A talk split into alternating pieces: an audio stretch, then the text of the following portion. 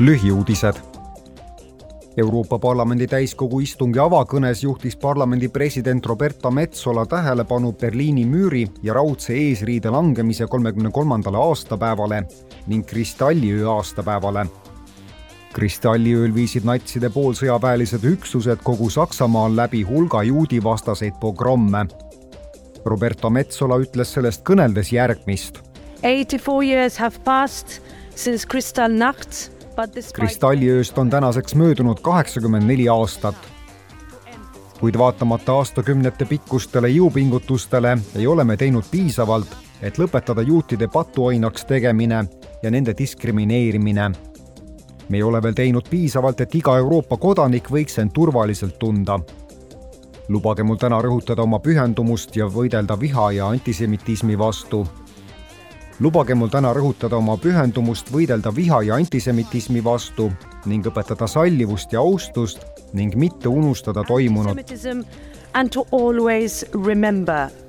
Metsola nõudis ka täiendavaid sanktsioone Iraanile, kus olukord on veelgi halvenenud.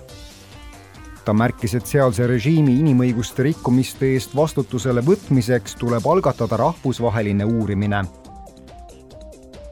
parlament arutas Brüsselis Euroopa Ülemkogu oktoobris toimunud tippkohtumise tulemusi. kohtumisel käsitleti Venemaa sõda Ukraina vastu, energeetikat, kliimamuutusi, Iraani ja suhteid Hiinaga. Euroopa Ülemkogu eesistuja Charles Michel rõhutas tippkohtumise ühe peateemana energiahindu. ta lisas, et tippkohtumisel suudeti erimeelsused ületada ja kokkuleppele jõuda. ta ütles järgmist At our European Council meeting we set out a plan of action. me esitasime Euroopa Ülemkogu kohtumisel konkreetsete meetmetega tegevuskava ning palusime komisjonil seadusandlikud ettepanekud kiiresti esitada.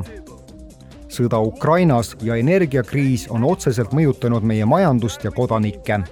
on aeg tegutseda. And our citizens. It's time to act Euroopa Komisjoni president Ursula von der Leyen ütles parlamendiliikmetele, et praegune energiaolukord nõuab kiiret tegutsemist ja strateegilist prognoosi ning rääkis taastuvenergiast. It is no exaggeration to say that we stand at a crossroads. Pole liialdus öelda, et seisame nii-öelda valikute ristteel. me kas ignoreerime selles kriisis saadud õppetunde ja langeme uuesti vanade tehnoloogiate lõksu või kasutame seda kriisi puhtale energiale üleminekuks. see oleks hea mitte ainult meie kliimale, vaid see oleks hea ka meie julgeolekule ja sõltumatusele, eriti ajal, mil gaas on ja jääb napiks kaubaks.